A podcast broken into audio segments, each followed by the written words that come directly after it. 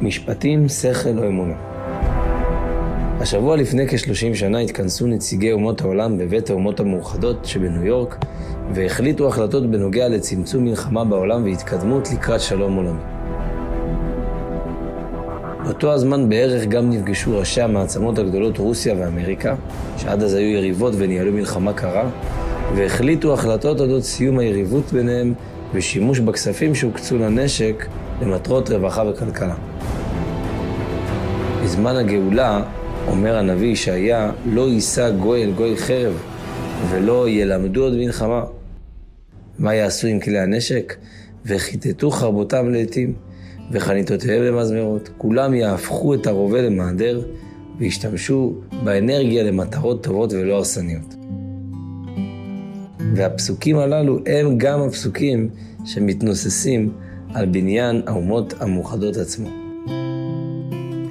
רבי הסביר באותו זמן שאכן אפשר לראות פה את תחילת קיום דברי הנביא, ושזו הסיבה שהתהליך הזה קורה דווקא עכשיו ולא קרה בשנים קודמות, כי הדור שלנו הוא הדור של המהפכה.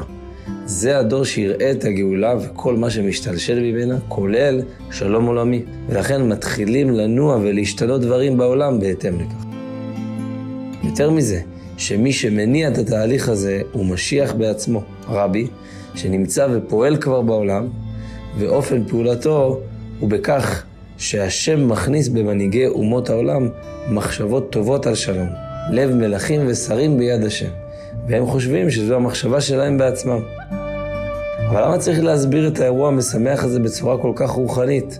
למה אי אפשר לומר שפשוט אומות העולם הפנימו בעצמם סוף סוף, אחרי כל המלחמות, את ההיגיון השכלי הפשוט, שמלחמה והרג פשוט לא משתלמים? את זה לומדים מפרשת משפטים שקוראים השבת בתורה.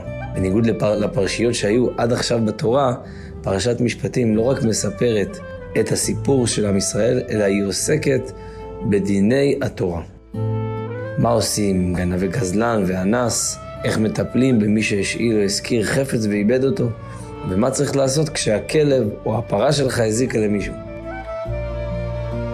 למה צריכה התורה לספר על כל זה? הרי עם קצת היגיון בריא יכולנו להבין בעצמנו איך נכון להתנהג במצבים כאלה. וכמו שרואים שבהרבה מקרים הדינים של אומות העולם זהים לדיני התורה. התשובה היא שהתורה באה ללמד אותנו שאת כל הדינים הללו לא צריך לדון כך כי השכל מחייב ואומר שזה הגיוני, אלא בראש ובראשונה כי זהו החוק האלוקי. ולמה לא מספיק ללכת רק עם ההיגיון? כי השכל הוא כוח נעלה באדם, אבל הוא לא אדון עליו. תחשבו על כמה אנשים הכרתם שמבינים מצוין בשכל כמה זה גרוע לעשן, ובכל זאת מדליקים עוד סיגריה. איך זה יכול להיות? כי כשהאדם עומד בפני תענוג או תאווה כלשהי, לשכל לא תמיד יש מספיק כוח לבלום אותו.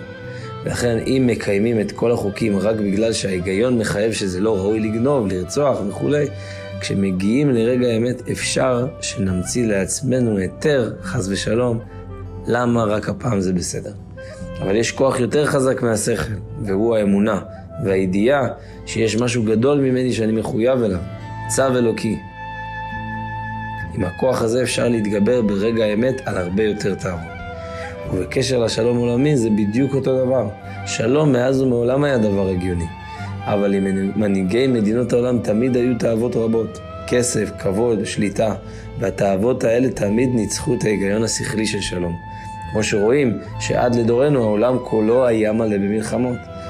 ולכן הסיבה שדווקא בדורנו השכל שרוצה שלום מביס את התאווה, וזה פשוט נהיה אין לרצות שלום, זה לא כי פתאום נהיינו יותר חכמים, זה כתוצאה מהתערבות אלוקית, כי אנחנו קרובים לזמן הגאולה.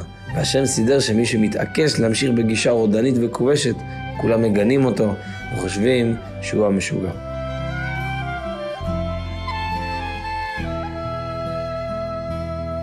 שנצליח לשמוע להשם אפילו במקומות שנראה שאפשר להסתפק רק בהיגיון, ונראה תכף ומיד את השלום הזה מגיע, כשנכון יהיה הר בית השם, ונהרו אליו כל הגויים, והלכו עמים רבים, ואמרו, לכו ונעלה על הר השם, אל בית אלוקי יעקב, ויורנו מדרכיו, ונלכה באורחותיו. כי מציון תצא תורה ודבר השם מירושלים, על ידי מלך המשיח, שינחיל אותו לכל העמים, הרבי מלובביץ', שבת שלום.